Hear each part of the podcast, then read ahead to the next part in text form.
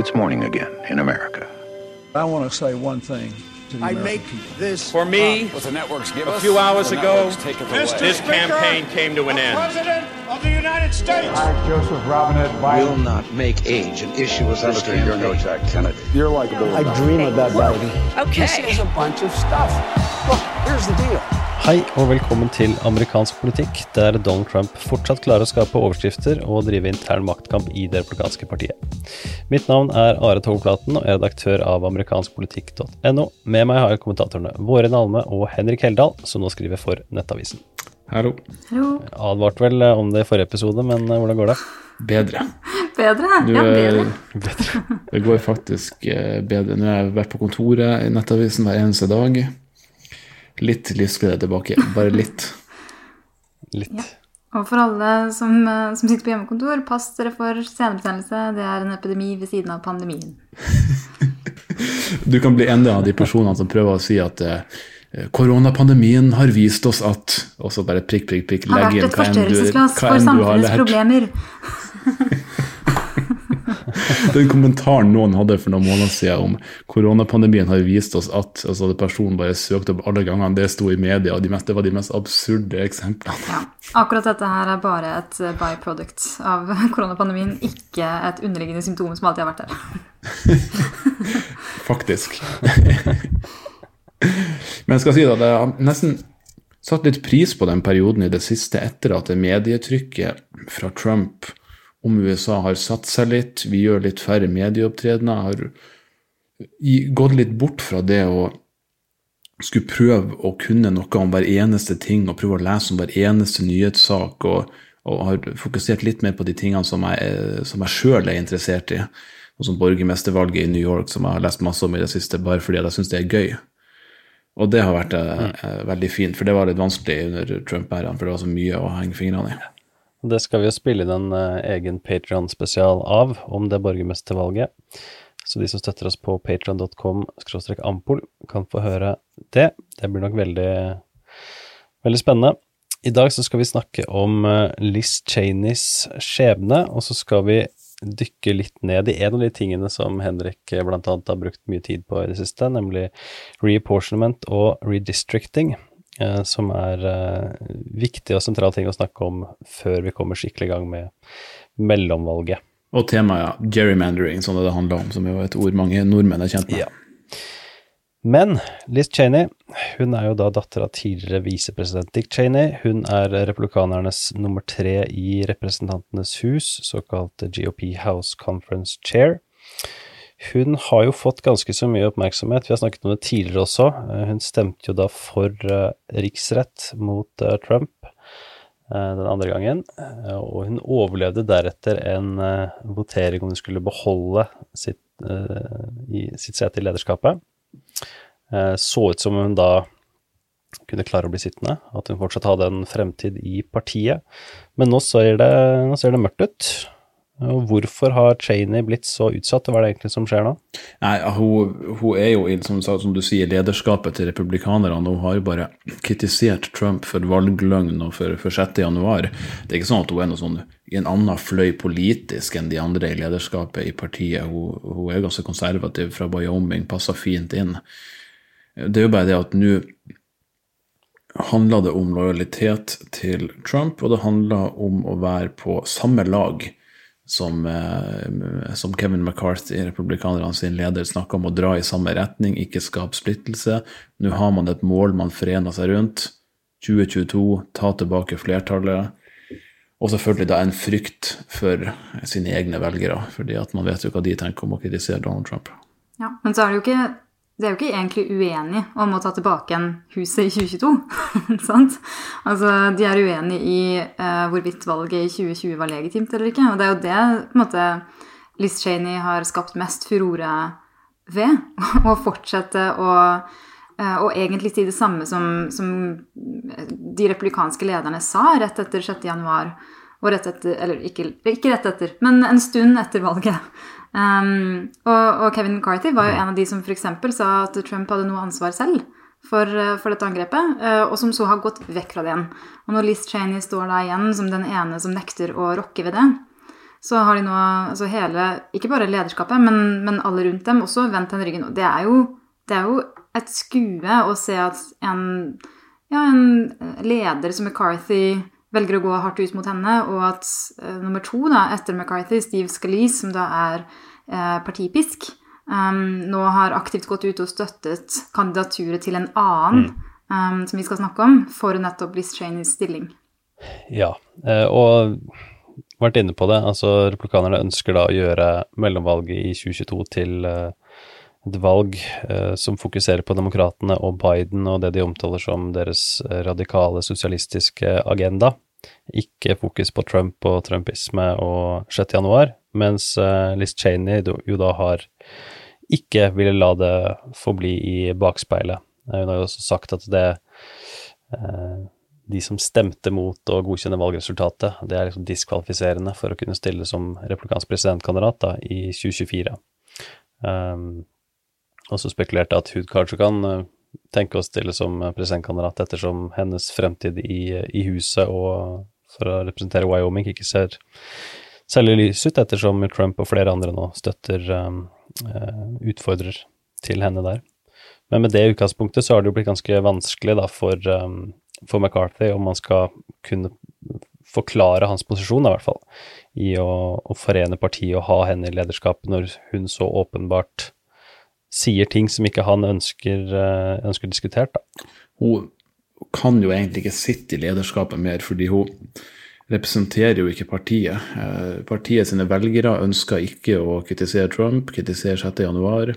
Partiet sine folkevalgte i Kongressen ønsker ikke å kritisere Trump, ønsker ikke å kritisere han for falske eh, anklager om valgfusk.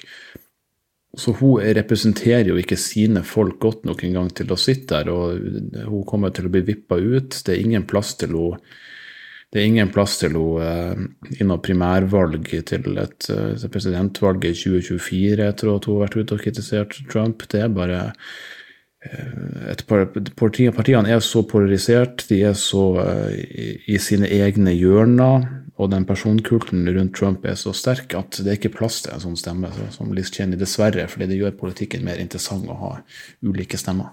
Og sunnere, da. Altså, det er jo et, et, måte, et, veldig usunt tegn, det vi ser nå, som vi snakket om i forrige episode også. og, um, man, kan jo, man kan jo bare si altså Hvis vi hadde gått to år tilbake igjen i tid og sagt ja, Liz Cheney kommer til å være den som blir skvist ut av partiet, så hadde vi jo tenkt hva? Altså det, det vitner noe om, det vitner om hvor langt uh, det republikanske partiet har gått, da. Um, og mm. jeg, jeg, jeg, fikk så vidt hørt litt av uh, Morning Joe på MSNBC med, med, Joe Scarborough, som da pleide å være både republikaner og aktiv uh, i, i politikken som da hadde selvfølgelig en av sine mange beryktede rants, um, som da handler om Vi har en av de mest liberale presidentene noensinne! He could be Calvin Coolidge for all I care. I would, if I had been in Congress, I would have talked about Congress running amok. And they are talking about Liz Cheney. Det er verdt uh, å høre på, bare for å se hvor langt replikanene har kommet. Også politikken generelt. det hvis man ser på senatskartet i USA, så er det bare seks delstater som har, eh, som har eh, senatorer fra, fra hver sitt parti. Det er Montana, Wisconsin, Ohio, West Virginia, Pennsylvania og Maine. Alle andre har to senatorer fra samme parti. Eh, før i tida så var jo det veldig vanlig å ha, ha senatorer fra ulikt parti. Biden var vel også den Nå var vel første gang at at alle senatsvalgene i alle delstatene gikk samme vei som uh, første gang på mange mange tiår gikk samme vei som presidentvalg gikk i, gikk i de delstatene. ikke sant? Så dessverre er det på det sporet vi har. Det er ikke som før i tida at du har en um, Jeg har hørt John Bainer-boka i det siste. Han snakka med, med, en demokrat fra Alabama i Senatet, en konservativ demokrat som var på eh, kontoret til eh, Bill Clinton og var veldig sint på Bill Clinton fordi han hadde ønska at eh, homofile skulle få være i militæret åpent, at man ikke måtte skjule at man var homofil. Og hadde tatt opp en sigarett og begynt å røyke inne i det ovale kontoret, og så hadde en assistent sagt at du kan ikke, du kan ikke røyke her. Og da sa han ja, men hvis jeg putter en penis i munnen min, da er det plutselig greit. altså tidlig på 90-tallet. Og da, var, Poenget var ikke at det er det vi ønsker, poenget er bare at vi uh, har litt mer mangfold innad i partiene. det. Våren vet ikke hva skal si der og sitter. Høres med andre ord ut som uh, den uh, boka anbefales. Henrik? Kom deg på Beiner-boka, Are. Der er, det, der er det mye bra. Ja, jeg er trist for at det ikke går an å laste ned på noe annet enn Apple. For jeg prøvde å lese, altså begynne å lese den i tekstform i går, og det var bare trist. Jeg hørte for meg Bainer sin stemme. Ja, jeg har nettopp skaffa meg iPhone. Det var tydeligvis eh, et bra tidspunkt å bytte over på. Det eneste jeg har fått ut av det, er denne boka. Men angrepene til, til, Trump på Cheney, da, det minner jo litt om ting han gjorde mot, uh, mot Jeb Bush og George W. Bush i sin valgkamp med å snakke om uh, tidligere kriger, og at de på en måte er en del av den uh, delen av partiet som han uh, vil gå vekk fra, da. Og han omtaler jo da Cheney som en warmonger, som han uh, sier igjen og igjen. Og det er liksom fokuset hans, mens det åpenbare er jo bare det at hun har sagt noe om han som ikke han liker, og det som skjedde den 6. januar. Det er egentlig det det handler om, og det er tydeligvis ikke stuerent i, i partiet ja, Det som viser at, at, at Liz Cheney er på vei ut, er jo det her intervjuet som Kevin McCarthy gjorde på Fox and Friends, hvor han sånn, mente at hun var illojal. Og så har det jo lekka et lydklipp fra et, et intervju eller en samtale han hadde med en, en reporter der.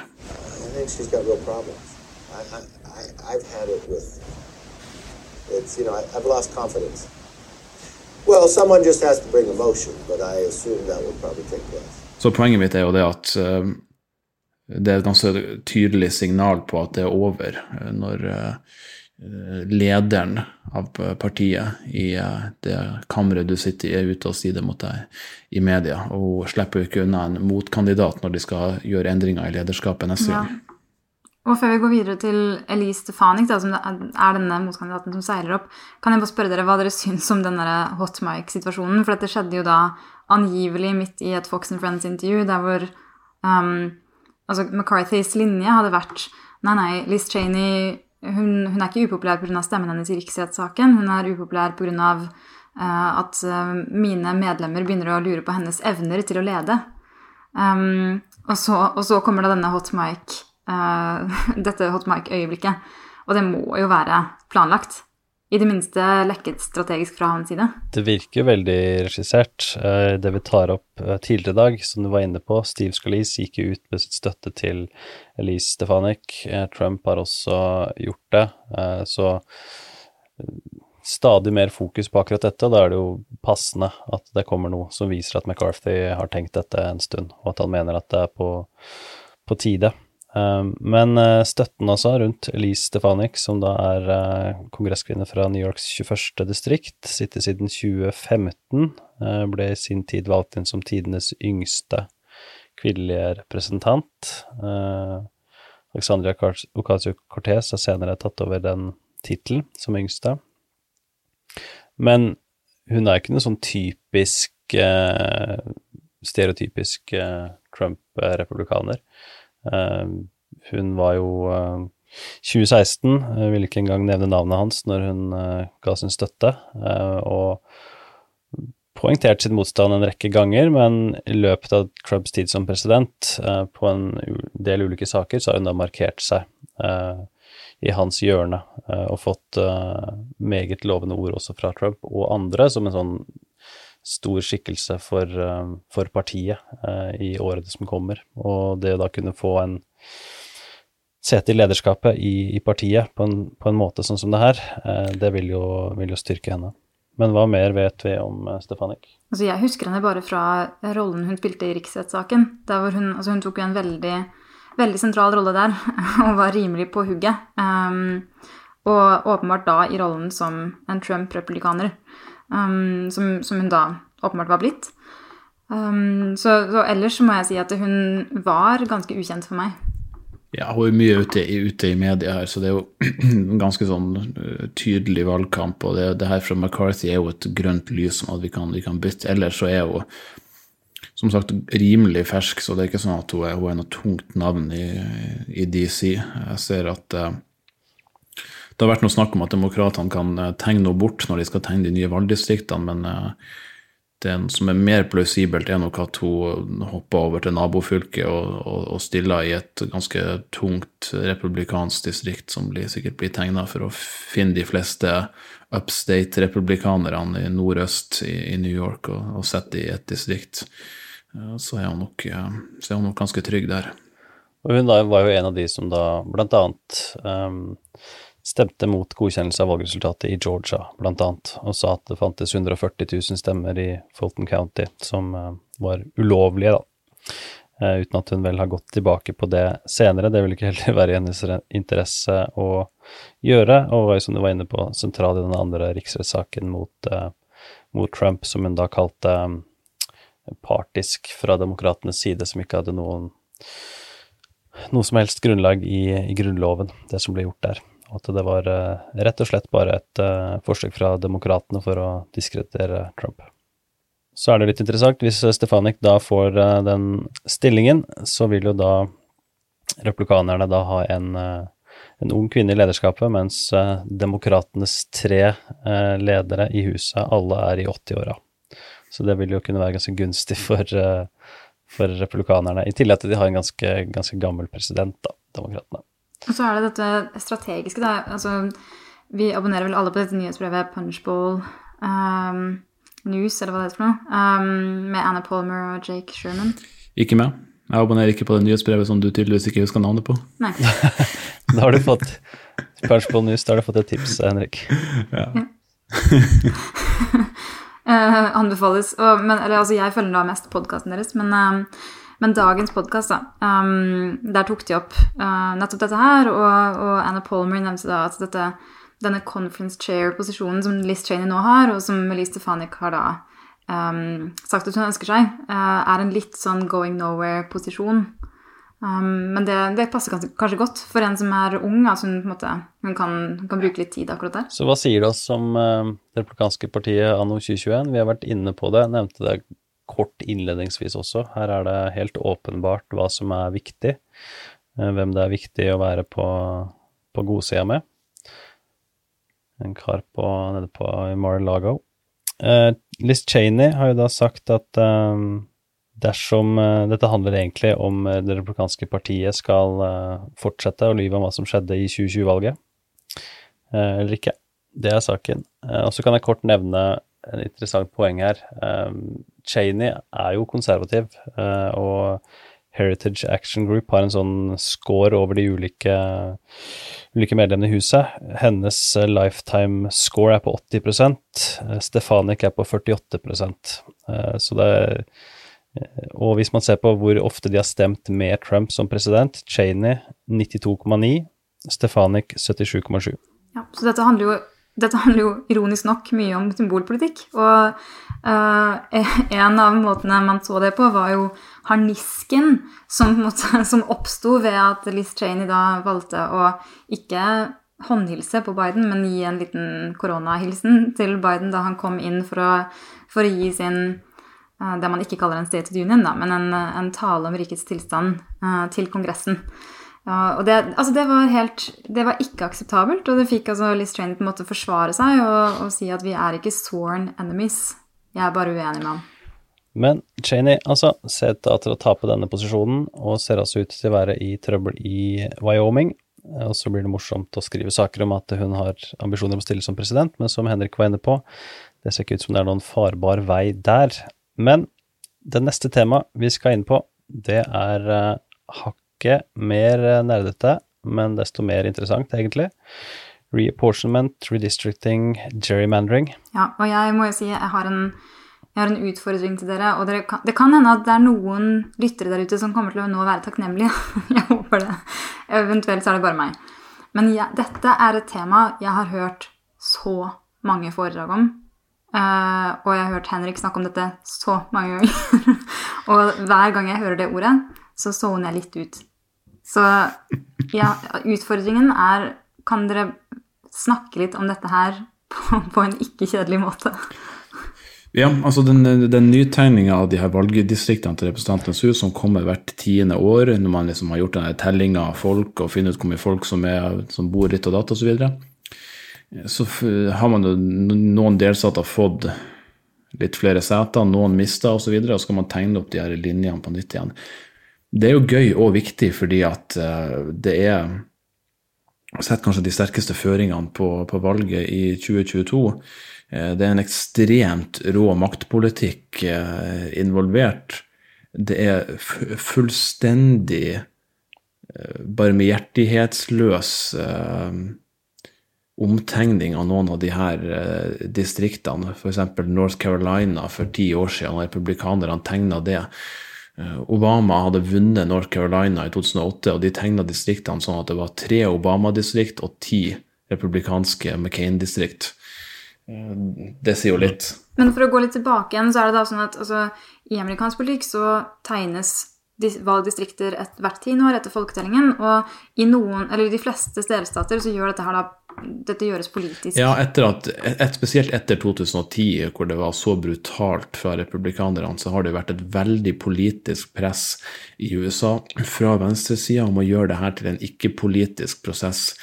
Og flere delstater skal nå bruke eh, enten tverrpolitiske utvalg eller sånne kommisjoner med vanlige borgere for eksempel, som skal stå for de her linjene for å gjøre det på en ikke-partisk måte.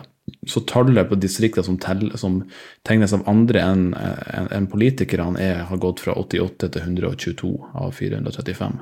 Men de aller fleste delstatene eh, så er jo det ikke tilfellet. Det er bare fem seter som har byttet over til republikanerne for at de skal ta over flertallet. Og du, Derfor det her blir så gøy, er jo fordi at republikanerne har jo nå eh, flertall, de skal tegne rundt 4 av 10 eller 45% av alle setene. Demokratene skal telle 20 ikke sant. Eh, så det, man, må, man, må, være veldig veldig kynisk å Og da kan man, kan man endre flertallet i, i, huset.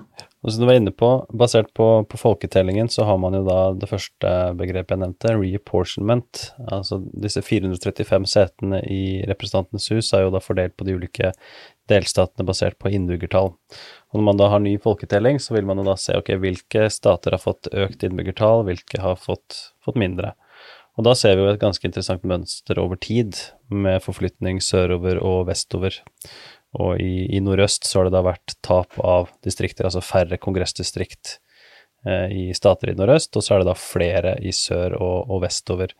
Eh, så det er på en måte steg én med at Texas får to nye representanter. Florida får én ny, North Carolina, som du var inne på, for en ny. Uh, mens andre mister, da. Og så neste steg blir da dette med redistricting. At man kan tegne opp, og gerrymandering, at man da kan tegne det fordelaktig for, for seg, da.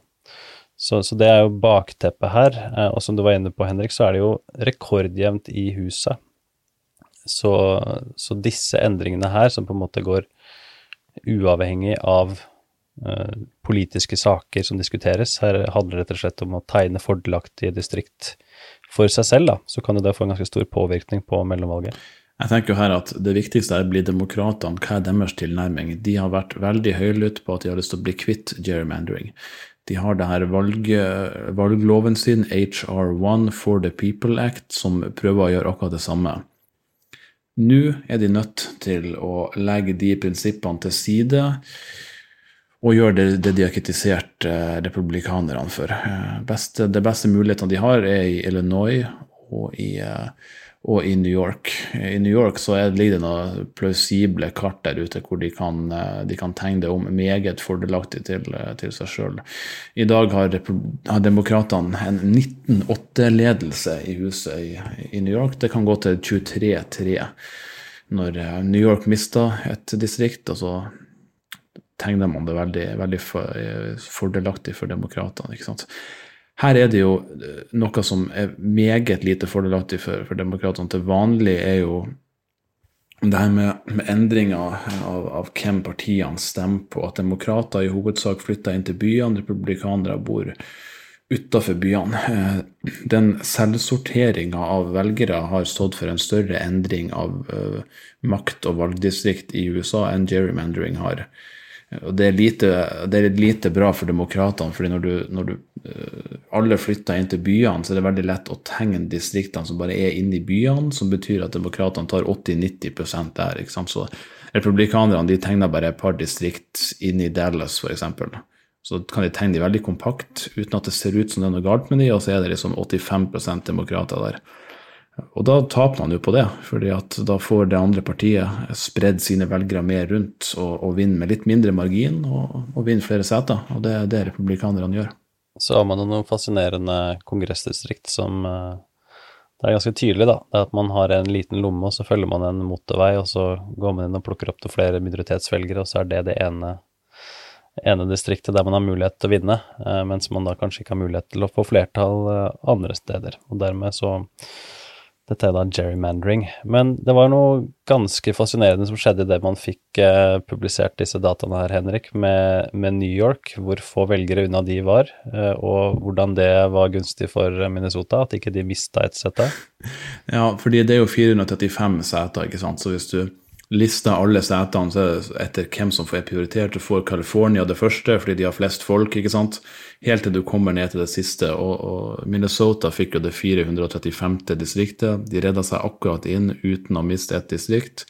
Og hvis det hadde vært et én plass til, så ville New York ha fått den, eller New York var nærmest å komme inn med et distrikt til, og de var da 98 personer unna. Og um, hvis de hadde hatt 98 personer flere, så hadde de da fått så hadde de da ikke mista noen seter istedenfor å miste ett, og Minnesota hadde mistet ett. Man kan jo tenke seg til eh, hvor mange folk eh, New York eh, har mista til eh, denne pandemien, f.eks. Og hvor, hvor, eh, altså, en folketelling, da. At de slet med å få nå folk, da. Ja, men New York har nok gjort en veldig god jobb, fordi det var estimert at de kom til å tape to seter, så de gjorde nok en, en ganske god jobb. Jeg husker jo eh, vertsmora mi da jeg bodde i USA, var veldig frustrert på den sensusen som foregikk da. Det var en sånn, sånn lang blekke du måtte fylle ut, det var ikke på nett. Og masse sånne her spørsmål som hun mente var altfor inngående om det med privatliv, ikke sant? så jeg tror hun bare endte opp med å pelle mer greia i søpla. Washington har da ikke mista noe sete i år. Washington har ikke mista, så de har kanskje fylt inn denne gangen. Jeg husker jeg eh, var og hørte ja, et av de endeløse foredragene om dette her på, på valgkurs jeg var på i USA i, i, fjor. Og da var det en professor ved Howard University som åpenbart var eh, demokrat. Um, og hun ble jo da spurt om um, altså hvordan dette her var Altså begge partier um, jobber jo for å tegne mest fordelaktige distrikter for seg selv. Uh, men at replikanere har funnet på det. Uh, og så tok hun bare en liten pause og så sa sånn Yes, they tend to be better at the evil stuff. Det er nok ikke det at de er bedre på det, det er nok at de vinner valg. De vant jo alt i 2010 pga. Tea Party-bølgen. Og etter valget så var jo jeg veldig positiv til republikanerne sin framtid, eh, fordi de gjorde det så godt under Trump. De holdt en del delstatskammer og en del guvernørvalg de vant, så de, de, har ganske mange stater hvor de har kontroll denne gangen også, som gir de en fordel. ikke sant? Og og det her med at demografien er så ødeleggende for republikanerne, og at de kommer til å bli, bli utrydda det, tror jeg, det tror jeg ingenting på. De, var, de, hadde en veldig upopulær president.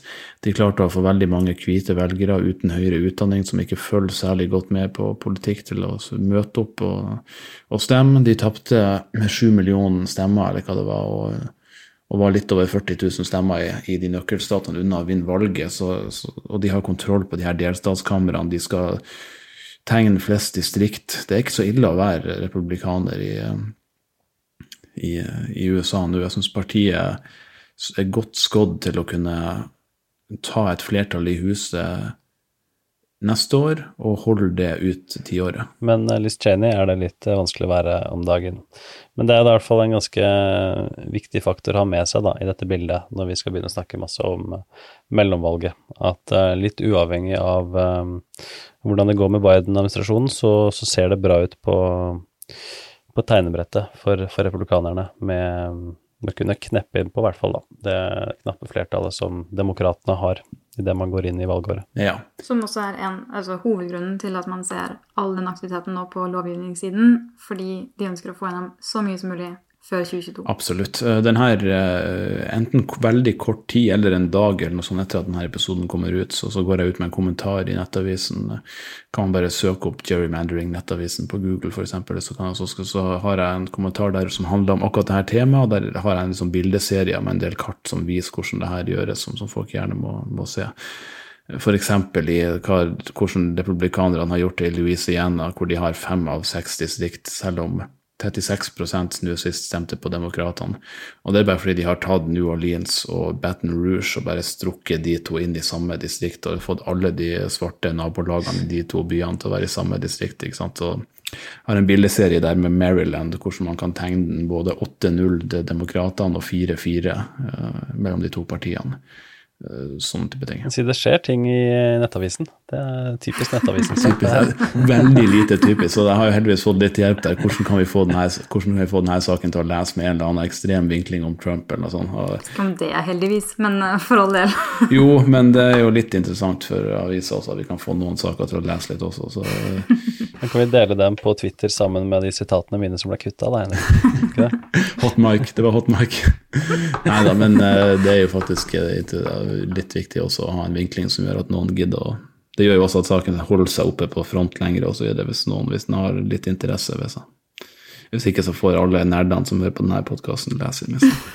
Det, det skal de få lenka til, så de får lest den. Men uh, veldig hyggelig, Henrik og Varin.